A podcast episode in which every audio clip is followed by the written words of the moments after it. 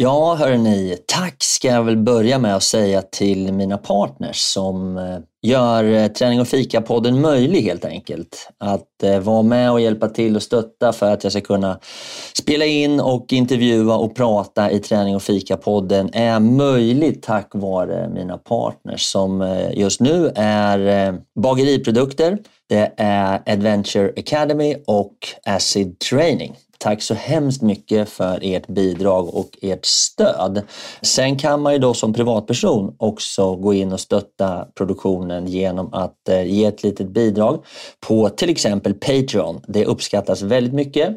Där kan du välja mellan att köpa en kaffe svart eller lägga lite mer pengar och köpa en kaffelatte och så fortsätta hela vägen upp till en riktigt härlig brunch. Så ja, tveka inte. Gå in och stötta lite. Det behövs och jag blir glad. Tack ska ni ha. Nu kör vi igång!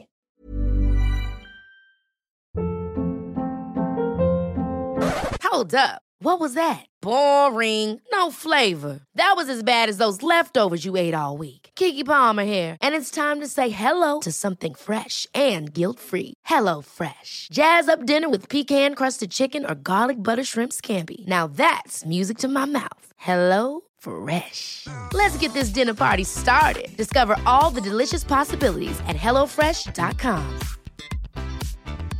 Hiring for your small business? If you're not looking for professionals on LinkedIn, you're looking in the wrong place. That's like looking for your car keys in a fish tank. LinkedIn helps you hire professionals you can't find anywhere else, even those who aren't actively searching for a new job but might be open to the perfect role. In a given month, over 70% of LinkedIn users don't even visit other leading job sites. So start looking in the right place. With LinkedIn, you can hire professionals like a professional. Post your free job on linkedin.com slash people today. One size fits all seemed like a good idea for clothes. Nice dress. Uh, it's a It's a T-shirt. Until you tried it on. Same goes for your health care.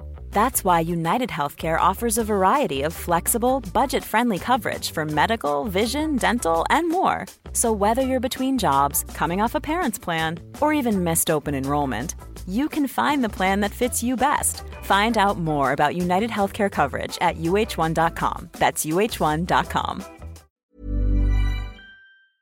Det är inte så ofta jag kommer ihåg en bulle, men den bullen kommer jag faktiskt ihåg.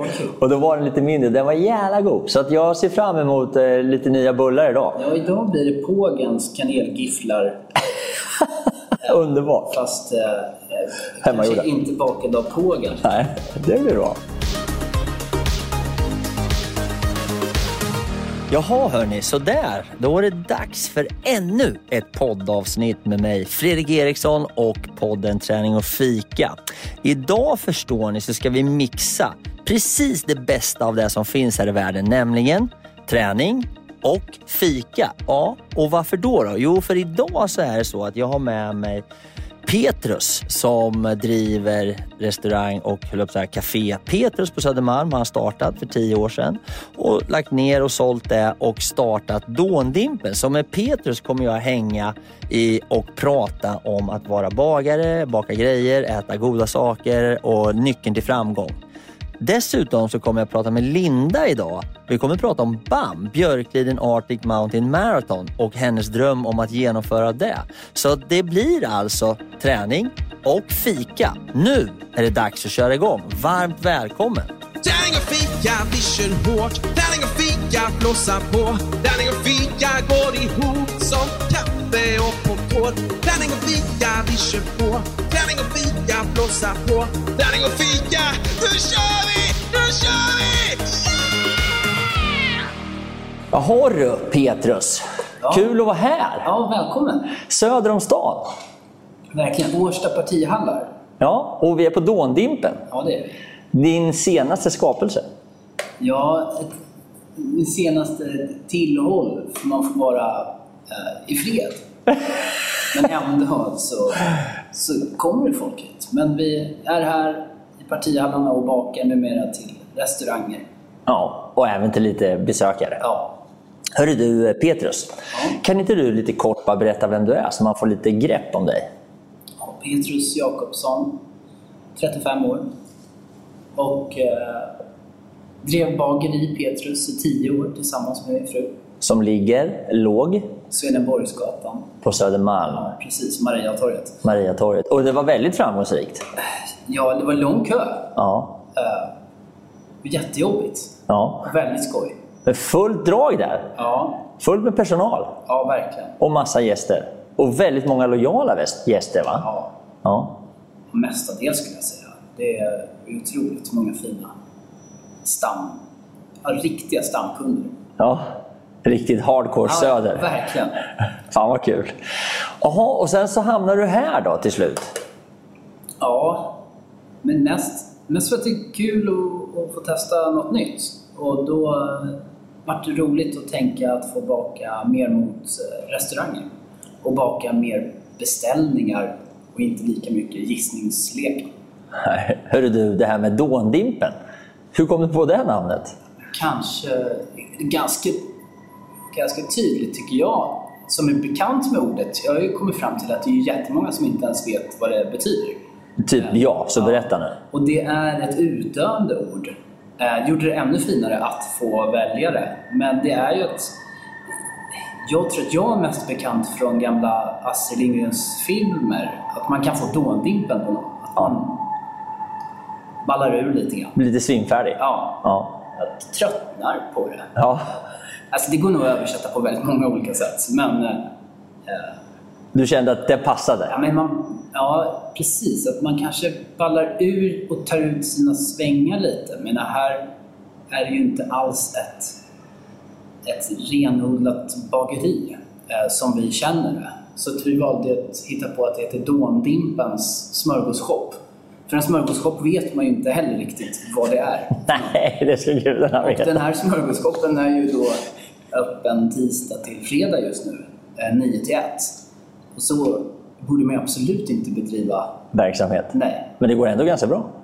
ja det kommer ju folk. Det är Ja. jätteroligt. Eh, Men eh, Men det kanske beror på att eh, du gör goda grejer. ja, och sen tänker jag också att många som kommer både måndagar när vi har stängt och lite sent, de får ju också dåndimpen. Att vi inte heller bakar. Det är inte ett bageri med ett fast sortiment, utan den här delen av verksamheten är att vi kan göra av med bröd som vi ändå bakar till restauranger. Så har vi Ja. bakat lite för mycket av något eller vi passar på att göra lite mer när vi har något roligt beställt. Ja. Så egentligen är det inte drivet av kunder utan det är drivet av beställningar. Precis. Och så får kunderna ta det som finns. Ja, och det är väl lite knasigt tycker jag själv. Det är lite Dåndimpen. Ja, Ja. Men det är väl det som är lite härligt. Ja, och då är det roligt också... Jag vet inte, jag tyckte det var roligt att det blev som ett tilltalsnamn mer än en känsla. Men för, nu innan vi går förväg, ja, men finns det någon kund som du, som du kände till som var inne på Petrus på Söder som har varit här och handlat också? Ja, jättemånga. Är det sant? Ja, jätte, jättemånga. Vad roligt. Ja, ja, de kommer ju och önskar också då. Det är ju lite som en önskelåda här. För att vi har så smalt sortiment så är det ju ganska lätt att säga till att du, jag saknar de här russinfrallorna så mycket. Ja. Och då är ju, ja, vi har dem nästa vecka, inga problem. Men var inte det en av, av Petrus kännetecken att det fanns väldigt många så kallade favoriter bland kunderna som de åt gång efter gång efter gång? Ja, och det, är väl, det tror jag alla bagerier eh, känner är både kul och ibland lite jobbigt. För att kunderna är ju viktiga. Det är ju de man jobbar för och emot. Och det är de som ska betala hela kalaset. Kalaset. Eh, och då är det ju, om det är någon tant som tycker att valnötslimpan är den godaste, så är det lite svårt att sluta med det. Man kanske bara plussar på med ett till bröd, och ett till, och ett till.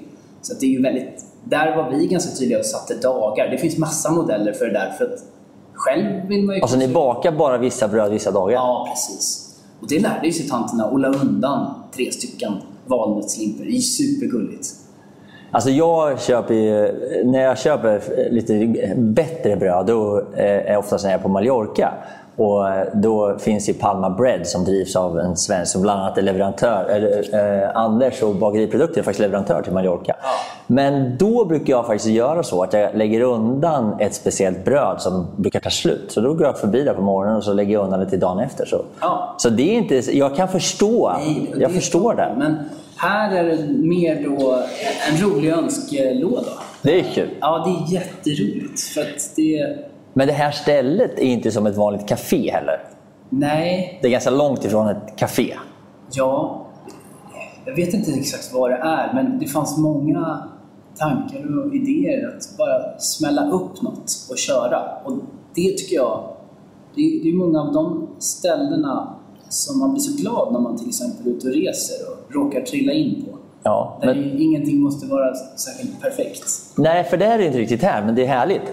Men om man skulle ställa frågan så här, hur många kronor har du lagt på inredningar?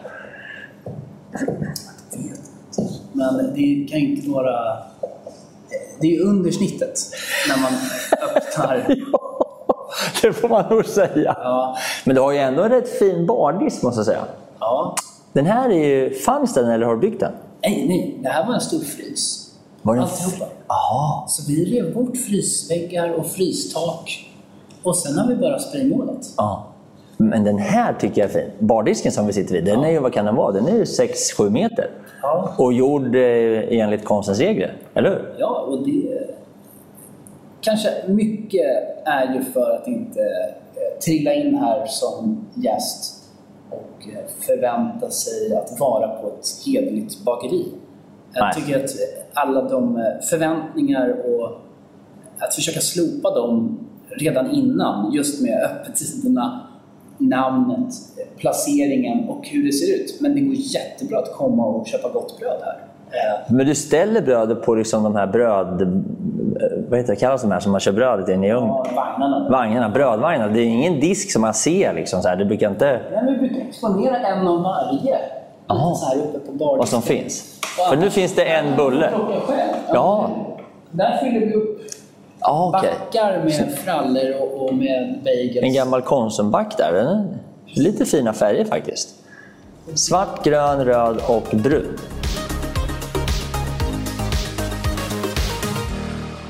Men du Petrus, en viktig del i det här med att vara bagare och göra bröd och så här, det är och, och även då få till folk att fika, det är ju det här med att dricka kaffe. Ni har ju ändå ett gäng kaffevarianter här i baren, eller hur? Ja, det har vi. Hur är din eh, relation till kaffe? För många så är den lite ovanlig och har varit... Eh, om vi går tillbaka till Bageri Petrus. Där, Ja. där fick vi stå upp och kriga lite för och eh, förklara för nästan var varannan kund var någonstans vi står i kaffe.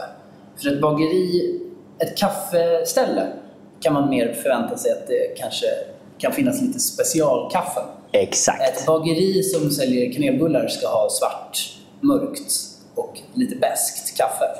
Eh, Det är nog allas vanligaste tankar. Så vi har ju kämpat på och förklarat för var och varannan att vi väljer ljusrostat kaffe. Och det är egentligen den enkla anledningen att jag tycker det är godast. Eh, Och då är det ju det man vill jobba med. Jag tycker att det är gott att dricka mycket kaffe. Jag får ganska lätt ont i magen eh, av liksom rävgiftkaffe, Ja. av mörkrost. Ja. Eh, Det här är så mycket snällare. Vad, vad har du för kaffe här? Om du bjuder på kaffe här? Ja, men då- om vi bjuder på bryggkaffe så är det alltid rostat av Koppi i Helsingborg. Ja. Lite föregångarna i liksom specialkaffesvängen i Sverige.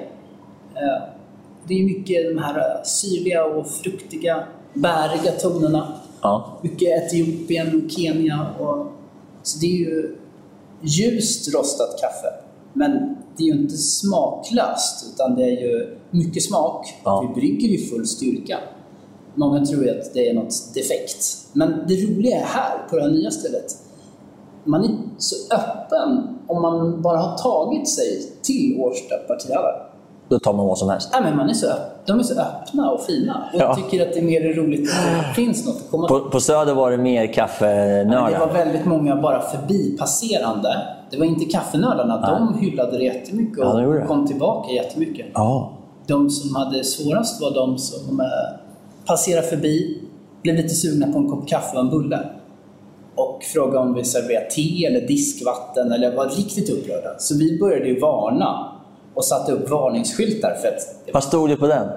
att vi serverar, serverar klent kaffe och brända bröd. För samma personer som vill ha bränt kaffe enligt mig, i smakerna så är det beskt och, och lite oljigt. exakt samma personer vill ha väldigt ljusa bröd. Så de, det hänger ihop. Vad konstigt. Ja, och de får ju, smaken är ju som baken. Eh, Men då är det roligare att få stå för någonting och då kanske lite ironiskt varna för det. Du hade faktiskt en skylt i fönstret som sa det. Ja, Det är otroligt roligt. ja, det, ja, det var jättemånga och det blev så väldigt mycket mindre prat också. Det, det är anti-marketing. Ja. Fast som förmodligen gör tvärtom effekten. Så att folk känner att här är någon som ändå har tänkt till och, och har en tanke och tycker någonting. Ja, men så är det ju roligast med allt i livet tycker jag. Det är att få komma till någon där de tror på det de gör. Sen spelar det ingen roll om det tilltalar mig, men om det det här, det här står jag för, eller det här Det är din grej. Ja, precis. Det Men är du, spännande. Får jag fråga en sak då? Om du var tvungen att välja mellan en sån här fin espresso-kaffe eller en, en, en Dåndimpen, lite blaskig bryggkaffe. Vad, vad väljer du till din bulle då? Det är väl gott att få inte välja. Vi, vi har faktiskt specialkaffe i espresso-kvarnen också. Ja. Men kanske något, något mer, eh, lite mer åt det traditionella hållet. Eh, Men inte så där rivigt eh, espresso. Det är den du dricker nu? Nej, nu drack jag bryggkaffe. Ja, en liten bryggkaffe. Ja, jag, jag dricker många små skvättar. Ja, det är bra. Dricker du aldrig mjölk i? Nej, Nej. Varför då? ja, men det, eh, det här kaffet är precis som kaffe med mjölk i. Fast det inte är mjölk. balanserat. Så om man har mjölk i kaffe så brukar jag säga att jag tror att man vill ha bort den brända och den beska smaken och runda till det lite. Men det här kaffet är liksom balanserat från början. Det är dags för mig att prova det här kaffet nu. Ja, nu måste vi hälla upp lite kaffe och så kan Eriksson få provsmaka. Och då är det alltså, är det, vad, vad, heter, de som Hoppy Roasters. från Göteborg eller? Helsingborg. Helsingborg.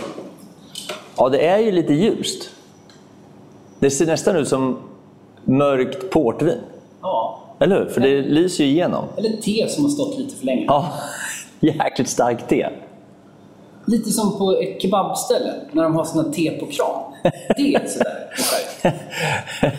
Ja, nu smakar jag på det. Det är ju inte alls speciellt eh, eh, strävt eller beskt. Eller, det är ganska runt i smaken. Ja. Och ganska lätt att dricka. Jag förstår att du kan dricka mycket sånt här. Ja, men, och det försöker jag inte göra, så jag går ju och bara tar eh, Små skvättar. espressokoppar. Har du räknat ihop dina små espressokoppar någon gång? För länge sedan, men jag tror att jag har gått ner. Men jag fick en gång en present skickad till mig på posten från eh, någon eh, besökare på Bageri Petrus som var så glad och nöjd. Och han var grundare till det amerikanska vildmarksmärket Yeti som gör skitsnygga Ja, skivor. ja, ja! Och muggar. Ja, och då fick jag en sån jättebalja till mugg. Och den skulle jag ju liksom börja använda varje dag då. Vad tanken? Ja, det, jag var ju så glad över den här muggen, Ja, för den den- är jättesnygg. Ja, eller hur? Ja, det är ju ett märke man verkligen vill... Och så är det ju två lager, så att den håller ju... Ja, den är isolerad hela dagen. Ja, den är gas, gas i. Liksom. Ja. Det är skitcoolt. Där. Eh, och, men den är ju jättebalja till kopp. Och jag började ju dricka i den och insåg att jag är ju kaffeberoende. Det, det är väl många vuxna. Men det där beroendet började liksom bli stissigt nästan. Är det För jag hade måttat mina koppar fel under en ganska lång Det tid. var ganska för mycket alltså. Ja, det går inte att dricka och bara gå och springa och fylla på i en... Men var du dålig i magen eller fick du sura uppstötningar? nej, Eller var, det var bara att du... Jag kunde vakna och ha ont i huvudet för att jag var så sugen på kaffe. Fast det är ganska härligt. Ja. Alltså det är bättre att vakna upp med den känslan än att vakna upp och vara bakis. jag tycker ens, det är nästan svårt att komma ikapp då. Alltså om man... Ja. Du kanske drog det till sin spets. Ja, men det, det är svårt att liksom... Det går inte bara att hiva i sig massa och sen känna att man är ikapp. Jag hade en gammal fotbollstränare som hette Arvid Thaler när jag spelade i Örebro SK. Och han berättade för mig på en träning att han var tvungen att dricka lite grann på kaffe. Jag bara, hur många kaffekoppar dricker du då? Ja, men jag får inte dricka mer än 15 per dag. Han var fin, finlandssvensk. Han var rätt hård i magen. Så jag liksom bara, okej, jag förstår. Ja, max 15 Fredriksson, sen får jag inte dricka mer. Men det är svårt att klara det.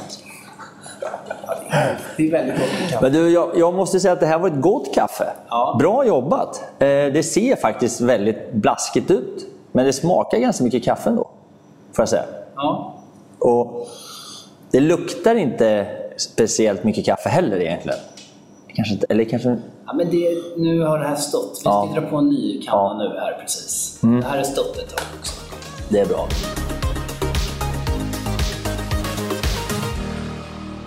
Hörru du, eh, får man fråga en annan sak? Gällande det här med det här stället då. Vad, är, vad ska det bli av det här har du tänkt?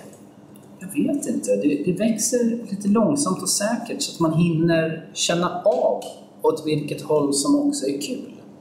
Det är inte skitlätt att hitta hit. Nej. Nej, och det här stället, det är ju väldigt trevligt om det får behållas. Ett ställe där vi som jobbar här hinner möta de som kommer. Eh, Det saknade jag Ja. förut. Eh, Det var fullt drag. Men att koppla på och tredubbla leveranserna, det är ju roligare och mer Ja. utmanande. Ja. Men det borde väl kunna gå, eller? Ja, det går bra. Det är bra ställe med transporter härifrån och logistik och hela den biten Ja, inte behöva veta. Vem är er största kund idag? Nej, det har vi ingen utstickare riktigt. Men det är typ alltså här, restauranger Ja, alltså i ja, Stockholm? Restauranger som är lite större, de gör ju av med mera bröd. Men nej, det är ganska huggligt som stucket. Det är många som... Sturehov? Nej, det säger vi inte till. Nej. Där var jag i helgen nämligen. Då åt jag inte ditt bröd. Nej. Nej, men idag ska jag äta dina bullar. Ja. Hoppas jag. Ja, det kommer Jag är supersugen på bullar. Jag var här sist när vi höll på att planera lite grann. Ja. Och, Fanns det ingen bulle? jo, då, fanns det, då, hade du gjort, då hade du gjort två. Du hade gjort en kanelbulle och så hade du gjort en kardemummabulle. Och de var lite mindre. Du sa så här, jag har gjort lite mindre bullar idag. Ja, det var någon specialbeställning. Ja, de var svingoda. Jag har faktiskt jag fryste in några och tinade dem och då blev den så här, du vet när jag tinade, jag tinade i mikron hade lite bråttom här någon dag. Och så bara, då blev, de blev så här, den vart, jag sätter på 30 sekunder i mikron. Det är lite länge för en bulle. Men då blev den här, och det var en kardemumma, då blev den så här degig ut i hörnorna och lite hård i mitten. Alltså den var så jävla god. Det är inte så ofta jag kommer ihåg en bulle, men den bullen kommer jag faktiskt ihåg. Och då var den lite mindre. Den var jävla god. Så att jag ser fram emot eh, lite nya bullar idag. Ja, idag blir det Pågens kanelgifflar. Underbart. Fast eh, eh, kanske inte bakad av Pågen. Nej, det blir bra. Kanelgifflar. Det är inte så många som bakar det. Nej, och det är väldigt konstigt. För de borde, vi kallar dem inte ens för kanelgifflar, för eh, gifflar är en form på både frallor och bullar och saker som absolut inte har något med pågens gifflar att göra.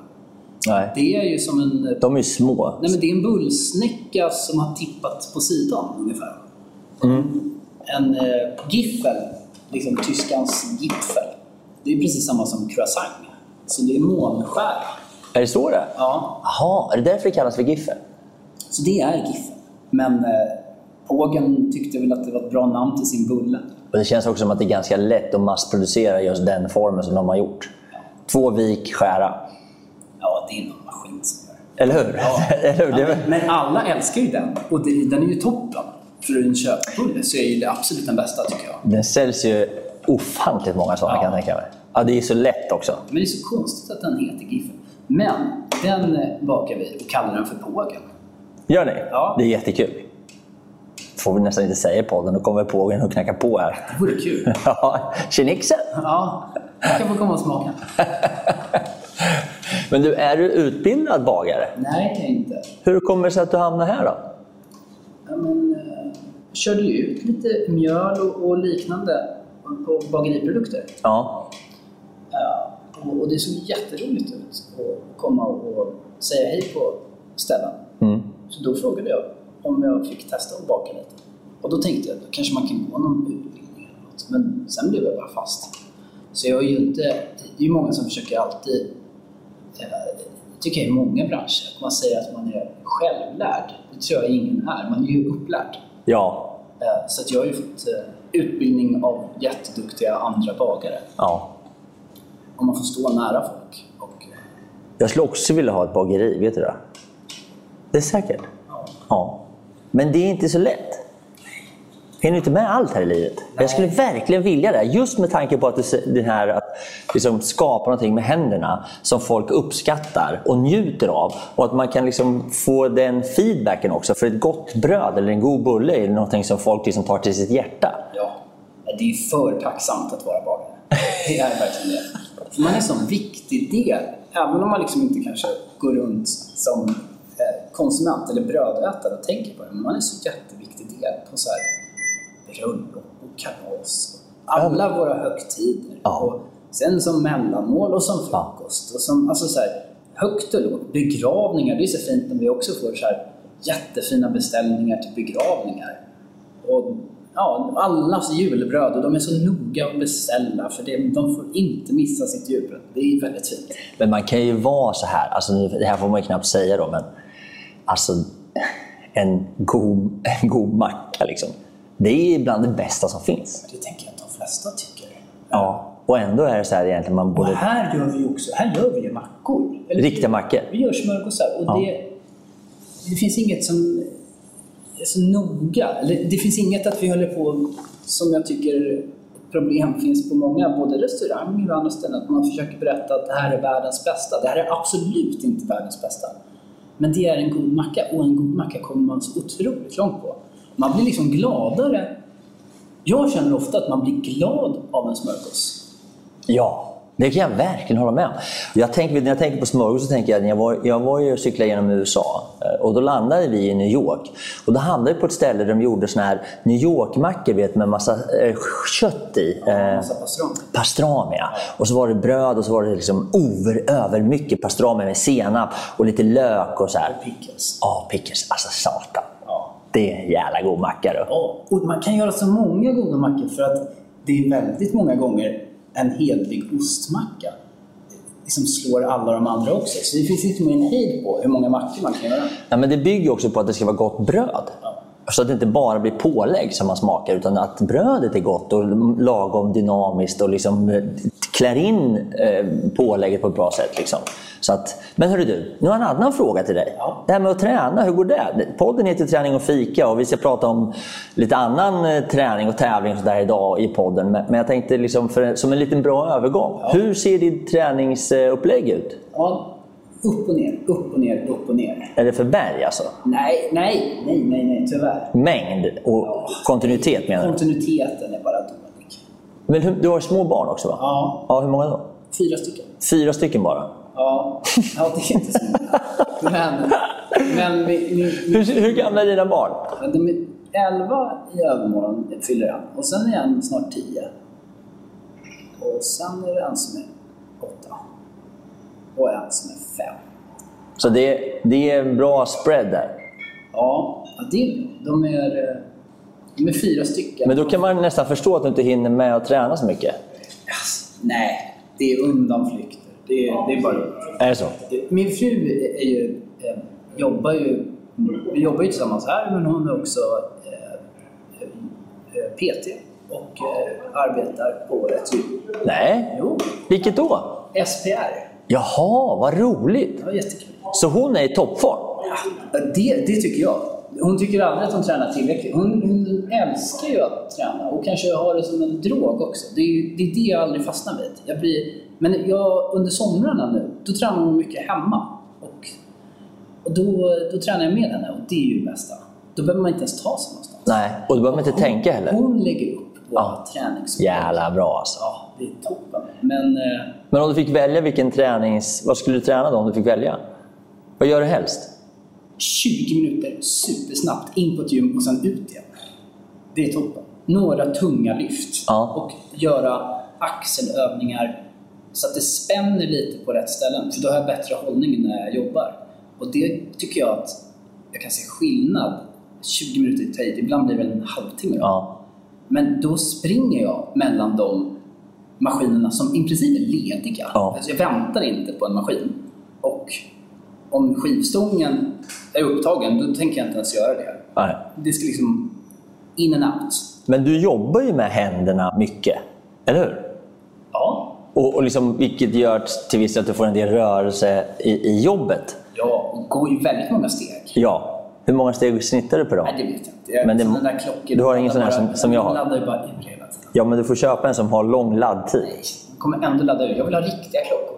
Som skakar upp sig. Men då är det svårt med, det blir svårt med Ja, digitalisering. Jag är inte intresserad det. Nej. Ja, men det är väl bra. Ja, men jag eh, äter ju många mackor per dag och mycket bullar per dag. Ja. Men då mår man ju bra. ja, då mår man jättebra. Men det bygger såklart lite grann på att du är ganska ung och att man måste röra sig lite grann. Jag tror det. Innan... eh, Det innan... går ju absolut inte att kombinera eh, mitt bull och smörgåsintag tillsammans eh, med ett ölintag. Nej, då blir det för mycket. Ja, nej, då, det går inte. Så du väljer bullar för öl? 100 procent. 100 procent. Där är jag lite splittrad. Jag gillar ju öl. Ja. Men det är då jag känner att byxorna spänner. Ja. Så att om man tänker på liksom det här med träning och hålla sig i form och så. Ja. Om bara måttstocken är när byxorna spänner lite så är det ju absolut efter en sommar om man dricker lite mer öl. Men jag kan ju tycka så här att det bästa i livet är att fika, osnackat. Men det bästa efter ett konditionspass eller en tävling, det är en öl. Men inte när man varit på gymmet, då skulle jag aldrig ta en öl. Då, skulle jag, då fika jag kaffe. Liksom. Så att, Nu börjar det komma. ja. Men hörru du, Petrus, den lille rackare. Ja. Tack för idag. Ja, tack själv. Och vi ser till att folk kommer hit Ja. och eh, käkar vad som finns. Ja, Det ska bli superkul. toppen. Tack för att du kom. Tackar.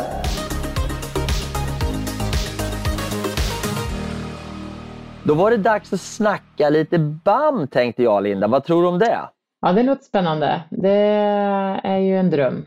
Ja, för de som inte riktigt vet vad den här drömmen handlar om så kan jag berätta då att det här är en tävling som heter BAM, eller man säger BAM, den heter Björkliden Arctic Mountain Marathon. Och eh, jag har kört den eh, 2013, körde jag den. Och det var otroligt kul. Jag körde tillsammans med en kille som jobbade där uppe, en eh, kille som heter Niklas Niva. Eh, och han och jag körde den tillsammans. Det är ett ganska stort projekt och en ganska kul och spektakulär tävling i en extremt intressant och spännande miljö och natur. Så att eh, det var inte igår, det är fan tio år sedan Linda, jag körde den tävlingen. Och, Ja. eh, men om man börjar så här, hörru du. Om du tar och berättar varför det är en dröm för dig att göra det här. Eh, BAM har ju funnits ganska eh, länge. Jag vet inte egentligen när, när det startade, men jag hörde talas om det och det är ju där någonstans eh, du sprang då, kan jag tänka mig, 2013, 14 där. Nej, det startade innan. Det startades av, av Erik eh, Ahlström. Ja, precis. Det Men, det. men vilket år vet jag inte när det var. Det är ju länge Eh, sedan. Ja, Det har ju funnits det- det- ganska länge. ja det, är så- länge, det är länge sedan. Och så har det ju varit lite uppehåll tror jag också. Men, men i alla fall, när jag hörde talas om... 2006 tror jag startades.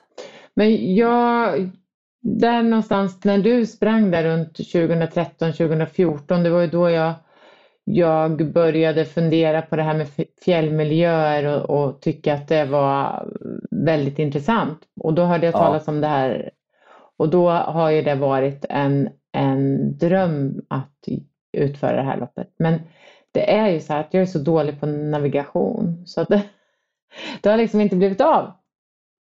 Men, men det är väl viktigt kanske att vi berättar vad, vad BAM är för något, tänker jag. Ja, eh, det finns ju BAM, det finns ju eh, tre olika BAM.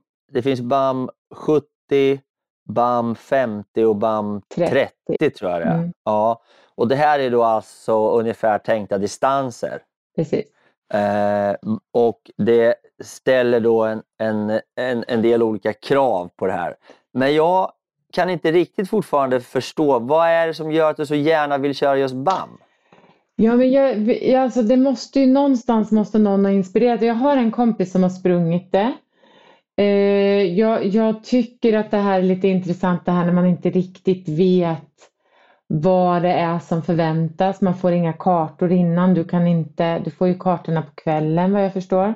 Får rätta mig nu då. Som, Ja, ja, Eh, där, så att Ja. du vet liksom inte vart banan går. Du ska ut på fjället och ta dig fram och, och kommer fram till eh, en, på kvällen så har du, får du då sova i tält. Eh, tältplats på kvällen och sen startar man igen på morgonen. Det brukar ju vara, det är väl allt från två till tre dagar. Jag tror faktiskt det finns en sprint också numera. Eh, ja, okej. som är på. Men, men det har lockat mig på något sätt. Det här är ju det är något som har funnits med länge som jag har velat göra. Sen har, har det dykt upp andra saker. Jag sprang Kungsleden istället och sådär. Men fortfarande så skulle jag vilja göra BAM faktiskt. Det är BAM Ja, jag 70 vet. då är det ju som jag vill. Ja, Mm. den är rätt tuff. Mm. Så, så, och, eh, men- jag, jag kan också tycka så här, det är ganska... eh, Det kommer ju hända en del saker nu. Eh, Jag hade ju en tävling där uppe som heter BAM Vinter. Som jag körde tillsammans med Björkliden då. Och, och det är då redan då, det här var ju 2015 som jag körde två, tre år med dem där uppe där man kombinerade skidåkning och löpning och sånt där på, på vintern. Det var ju fantastiskt härligt. Men redan då var det stökigt med tillstånd och renskötsel och äh, samernas äh, så här, och det kommer ju bara fortsätta och bli ändå stökigare att få till att göra evenemang. Så jag undrar hur det kommer gå om jag ska vara ärlig för BAMs, äh, BAMs framtid. Men man kan väl, om man bara hackar ner det här lite grann och tar de här olika delarna som gör att det är lite spännande eller lite stökigt eller lite svårt att klara av den här eh, tävlingen på, på ett bra sätt. Det är att du får ju då, du får kartan eh, ganska sent. Och den här kartan är 1 till 50 000, alltså 2 centimeter på kartan är en kilometer i verkligheten. Och dessutom så är det så här ekvidistans då, alltså höjdskillnaden är på den här BAM-kartan är eh, hö två höjdkurvor är 20 meter i höjd. Då, så att det kräver ju lite ordning på kompasser, det kräver lite fjällvana och lite sånt där och lite, lite bra teamwork för att, få det, för att få det att funka. Och under den här tiden så ska man också veta att det finns nästan inga mobiltelefoner som, som funkar då un, eh, under, under den här, på, den här, på det här stället. Då. Så att det är ganska dålig täckning. Eh, så att det ska man väl, väl veta. Då. Eh, och man får, man, får, nej, man får naturligtvis inte använda GPS för att, att ta sig fram utan det är ju ganska mycket orientering och följa med på kartan vilket gör att det blir ganska, tä- ganska kul eh, svårt. Liksom. Så det är inte bara att du ska vara en bergsget och ha VO2-kapacitet utan du måste kunna hantera. Sen dessutom så ska du ha med dig tält då, speciellt om du kör jag tror att det är både 70 och 50 som måste ha tält med dig. Annars, annars så är det då eh, på 30 tror jag de skickar tälten Ja. och maten. Mm. Så Men du, må, det, så då måste du släppa med. Så Det är väldigt mycket vikt, eh, det är mycket vikthets. Mm. Liksom. Det är lättviktsprylar, avklippta liggunderlag och lätta, inga sovsäckar. Och, men det finns också då ganska mycket regler kring vad du måste ha med utifrån ett säkerhetsperspektiv. Och, eh, och jag, jag, så det, det är väldigt härligt men, men du måste tänka rätt mycket på att få ner din, din packning till mellan Ja, ju lättare packning du har, ju fortare kommer du kunna ta det fram. Men ju sämre kommer du att sova och ha det såklart. Men någonstans mellan 4 och 8 kilo ska man väl, inte mer än där ska man behöva ha med sig. Liksom. Och sen så måste man ha med sig allt. Du får inte lämna någonting ute efter banan. Allting som du har med dig måste du ta med dig eh, oavsett. Då. Eh, och sen eh, handlar det mycket om eh, vilken typ av skor och ryggsäck du eh, slänger på. Då, så här. Men, men jag kommer ihåg när, när jag körde, då var det ju, det var ju riktigt packhets Mm. innan eh, där uppe. Då. Eh, allt ifrån material. Och, men jag kommer ihåg att jag skrev ner några saker som jag tyckte var otroligt kul. Att den, e- den första saken var att det är liksom mer av ett projekt. Det, det är liksom inte bara en tävling att sticka och ta en nummerlapp och, och köra utan det är ett litet projekt vilket gör att det blir ju, och det gör det ju två och två då så att du måste då hitta en polare som tycker att det är lika kul att hålla på med det här projektet vilket är ganska spännande.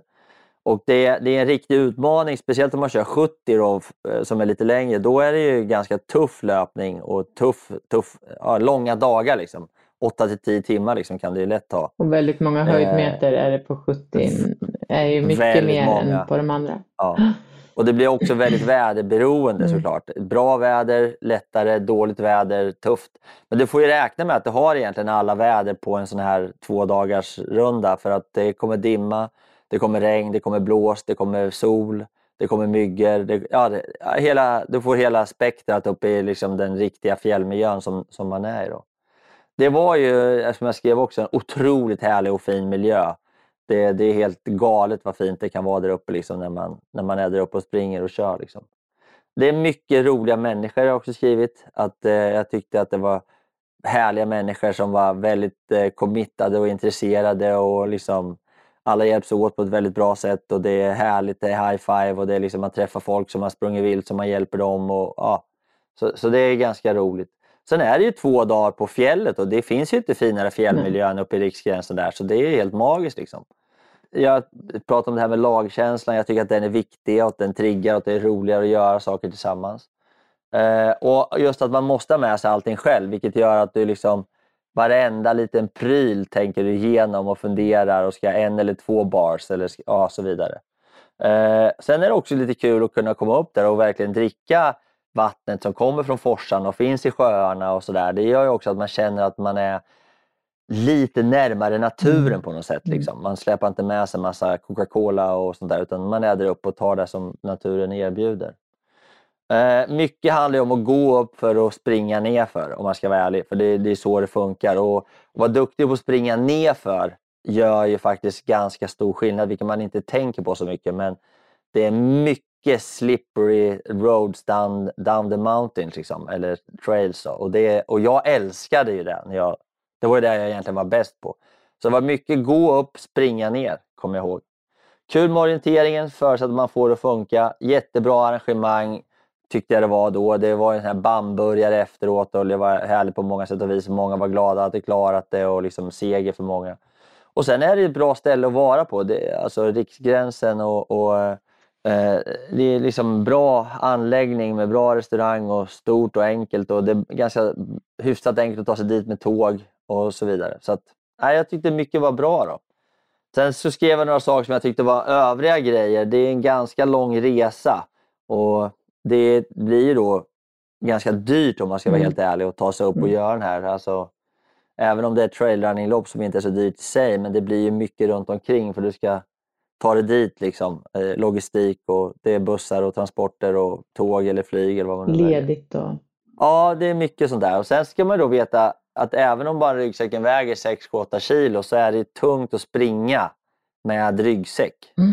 Det vet ju du. Mm. Och, eh, alltså, ju tyngre ryggsäcken är, ju mer skav blir det, eller hur? Ja, så är det ju. Eh, Det är ju den största utmaningen, är ju skav. Nu har jag haft det ganska bra.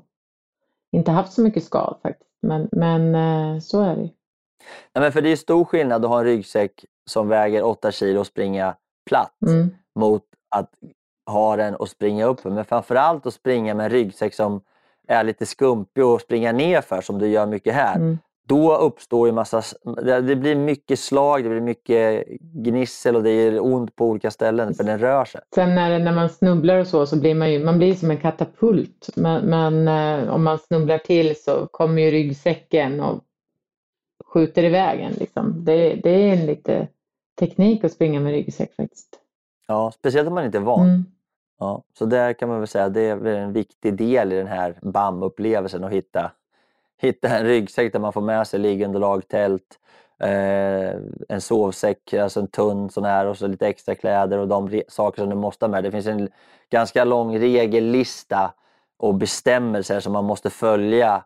Vilket då såklart, är man en fri själ så, så funkar det ganska dåligt för det är väldigt mycket regler Mm. gällande utrustning, eh, vägval, allting sånt där, Det är säkerhet. säkerhet. Så det, ja. Och det är ju faktiskt inte så mycket löpning om man ska vara ärlig, utan det är väldigt mycket ja, Mm. röra sig i fjällmiljö, Mm. vilket oftast handlar om att du, att du går Mm. mycket. Liksom. För det är inte så lätt att springa. Och dessutom då om man ska lägga till att du ska navigera rätt.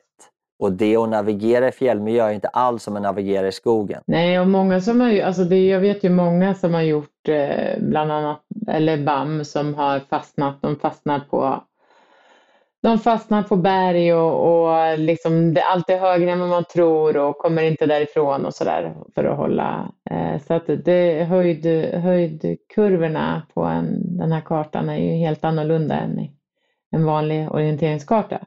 Så att det är väl det som är. Och jag är ju ingen bra orienterare så jag måste ju ha en van fjällorienterare om jag ska göra det någon gång i tiden. Ja ja, men det gör ju också att även fast man då springer BAM 70 så tar det ju liksom mycket tid och, och mycket mer tid än att springa sju mil. Mm. Eh, det är många höjdmeter men det också kräver en hel del navigering vilket gör att man måste vara ganska uppmärksam och man inte kan springa så fort helt enkelt. Och det gör ju såklart att när man kommer i mål så är det inte high life kan jag säga. De flesta är ganska trötta och slitna. Eh, och sen en sista sak som jag skrev ner där, förutom att det är lite halvlågt, man käkar den här hamburgaren, sen är man ganska trött på kvällen kan jag säga när man har gått i mål. Men den andra sak som jag, eller en annan sak som jag skrev och som jag tycker man ska tänka på innan man signar upp för en sån här BAM, ett BAM-äventyr, det är just att det är rätt mycket dyra prylar som du måste ha Mm. ordning på för att kunna för att kunna göra det på ett bra sätt. För att när du är uppe på, i den här miljön och den är så, så hö, hög alpin miljö, fjällmiljö, då, då är, du måste ha bra grejer. För du kan inte komma upp dit i en bomullst-t-shirt och ett par strumpor. Det funkar liksom inte. För då, då kan du bli fast på berget och du kan bli kall och nedkyld och liksom, det är inget bra alls. Så att man måste helt enkelt investera en hel del eh, så här, high-tech high prylar. Allt ifrån skor till strumpor till ryggsäcken till överdragskläder till eh, Räddnings, lättliggande lager. räddningssäckar och alltså det är väl alla Ja, de där. Hela, Mm. hela det här paketet måste du liksom ha. Och det, och det gör ju såklart att det är ett ganska stort projekt att genomföra en, en BAM-aktivitet. Då. Men det skulle vara Men jag så måste kul. säga så här att jag hade ju tur att jag körde med Niva. Det är en samisk släkt där uppe. Han hade råkoll på allting. Han jobbade där uppe. Så vi... Och sen hade jag ju flyt. Jag har varit sponsrad av Haglöf så jag fick liksom massa såna här limprylar och grejer. Så att det var liksom alldeles... Jag hade världens bästa resa och, och var helt underbart på alla sätt och vis. Och jag, gjorde, jag gjorde faktiskt en film som ligger på min Youtube-kanal som man kan som man kan titta på som heter BAM 2013 och det, där liksom sammanfattade jag våran, våran, eh, vårat äventyr, jag och, och Niva. Då. Det var, men det var fantastiskt, jättehärligt på alla sätt och vis. Så att, eh, jag håller med dig Linda, det är ett dröm, eh, ett dröm, en drömtävling på många sätt som jag verkligen hoppas inte ska försvinna i samband med att det Mm. blir nya regler och krav gällande hur vi ska få röra oss i fjällvärlden. Mm. Nej, gud, jag skulle så gärna. Så finns det någon här som lyssnar som är bra på att orientera och vill ha en lagkamrat så ställer jag gärna upp. Ja, och se till att göra det nu snabbt. Ja, Anmäl dig direkt och, Ja. och häng på. Ta med, dig, ta med dig Linda i ryggsäcken. Ja. Du är bra på att löpa, inte så bra på att orientera. Nej, jag är inte så bra på att orientera, så det, det, men eh, jag är pigg och glad. Ja, exakt. Det är alldeles underbart. Nej, men det är jättetrevligt. Jag hoppas verkligen att du får möjlighet. Och du vill ju köra BAM 70. Ja, eh, det skulle man ju vilja göra. Jag tycker, nu, ska, nu står det ju att man ska ha gjort 50 helst innan på BAMs hemsida så, men jag tänker att jag har sprungit 34 mil på Kungsleden så ska jag väl eh, kanske klara av miljön i alla fall, men, men eh, eh, inte orienteringen då. Så att, eh, mm. Och sen är det ju olika banor varje år så man, man vet ju inte riktigt eh, vad, vad den här vad, vad banan kommer gå då. Men jag kommer ihåg när vi, när jag körde, då kom vi och det var liksom ett sånt här avgörande ögonblick som jag aldrig kommer glömma egentligen. Det var vi, den bansträckning som vi hade då, då, då gick ju den förbi Trollsjön. Jag vet inte om du har hört talas om Trollsjön? Mm, mm. Alltså det var ju så stört. Det var ju så fint. Det var ju så, det var ju så himla coolt. Man kan inte tro att den där lilla Trollsjön ligger där liksom långt ner och så liksom helt blått. Och så är det liksom som en krater och den bara lyser. Ah, det var så himla coolt. Mm. Så vi kom liksom in springande nere och sen så liksom tog oss hela vägen upp, upp, upp, upp, upp, upp, upp till toppen. Så kunde man då stå och titta ner när man varit förut. Men det var ju väldigt brant. Det var ju så att man fick hjälpa till med händerna liksom, och, Mm. och ta sig upp. Och inga Mm. stigar och ingenting. Men det var alltså den där Trollsjön, det kommer jag aldrig glömma. Ja, gud vad häftigt. Ja, jag har aldrig var varit så, där heller. Ja, Och sen är det ju väldigt kul också där på, på första natten när man kommer till, till det här lägret då. Där man checkar in och, och alla slår upp sina eh, lättviktstält och eh, små, små liggunderlag och, och med, ändå går runt där då liksom och, och på något sätt eh, ja, säger hej och hälsar på varandra och man har klarat första dagen och ser hur man då ska ta hand om strumpor, fötter och ryggsäckar och, och ryggar och inför andra dagen. Då liksom. Så det är jäkligt kul. Liksom.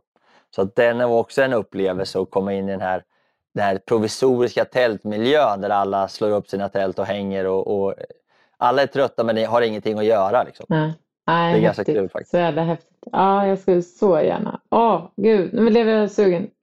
Ja. Ja, ja, vi hoppas att någon eh, hookar upp och hänger på den så du kan, att det kommer iväg. En, en riktig orienterare. Ja, en riktig orienterare behöver jag. Riktigt eh, bra, som kan dra det. Axel. Du kanske ska åka van upp? Ta Ja, din okej, van, köra upp. Det är en bit. Ja, det tar, det tar ett tag upp dit kan jag säga. Men det går bra tåg och ganska bra flyg faktiskt. Ja. Men tåget är bra. Mm. Ja, det vore kul. Ja, men du, då önskar vi dig och alla som lyssnar eh, en... eh, Ja, om de är sugna så se till att göra det. Det är verkligen värt det. Mm. Härligt.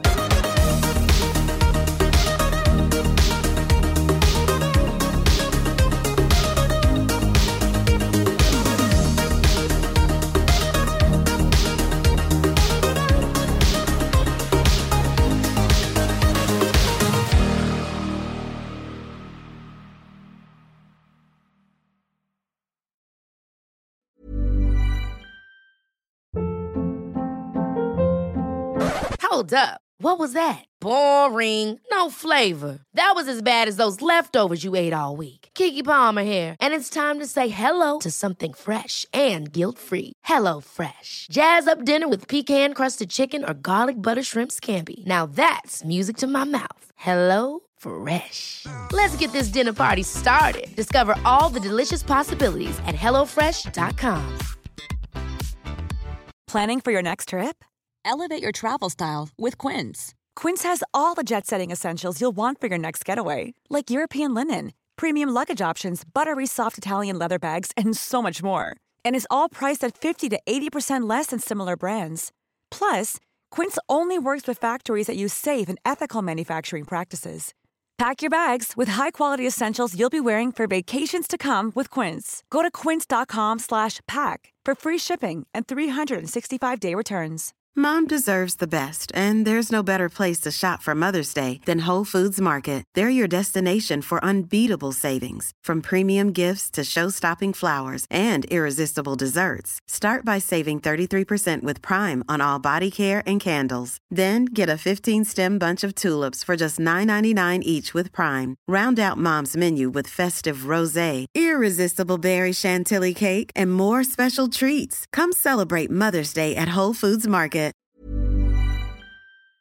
Det var allt för den här gången hörrni och jag tänkte avsluta lite kort med att återigen tacka mina fantastiska partners och sponsorer som är Bageriprodukter, Acid Training och Adventure Academy. Och eh, återigen, har du en krona över eller är helt enkelt sugen på att bjuda på en kaffekopp så gå in på min Patreon och eh, köp en kaffe, en kaffelatte eller en hel brunch så kan jag fortsätta spela in podden, producera nya härliga avsnitt och eh, fortsätta att underhålla dig. Hoppas du har haft en fin lyssning och att vi snart hörs igen. Tack så mycket. Hej då!